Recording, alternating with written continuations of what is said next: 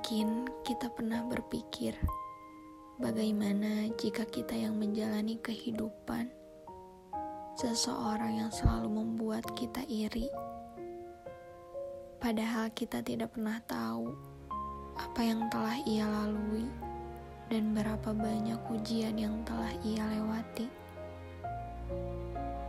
Bersyukur atas apa yang kita punya adalah salah satu opsi yang kita miliki agar kita tidak mencemburui kehidupan orang lain.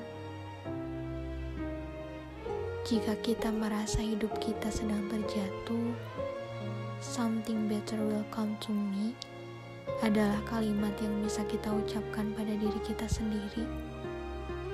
Karena yang dapat menguatkan kita hanya diri kita sendiri. Percayalah, kehidupanmu adalah dambaan orang lain, sama seperti kamu menilai kehidupan mereka. Dan kamu harus ingat, hidupmu itu sangatlah berharga. Jadi, jangan sampai nanti kamu putus asa.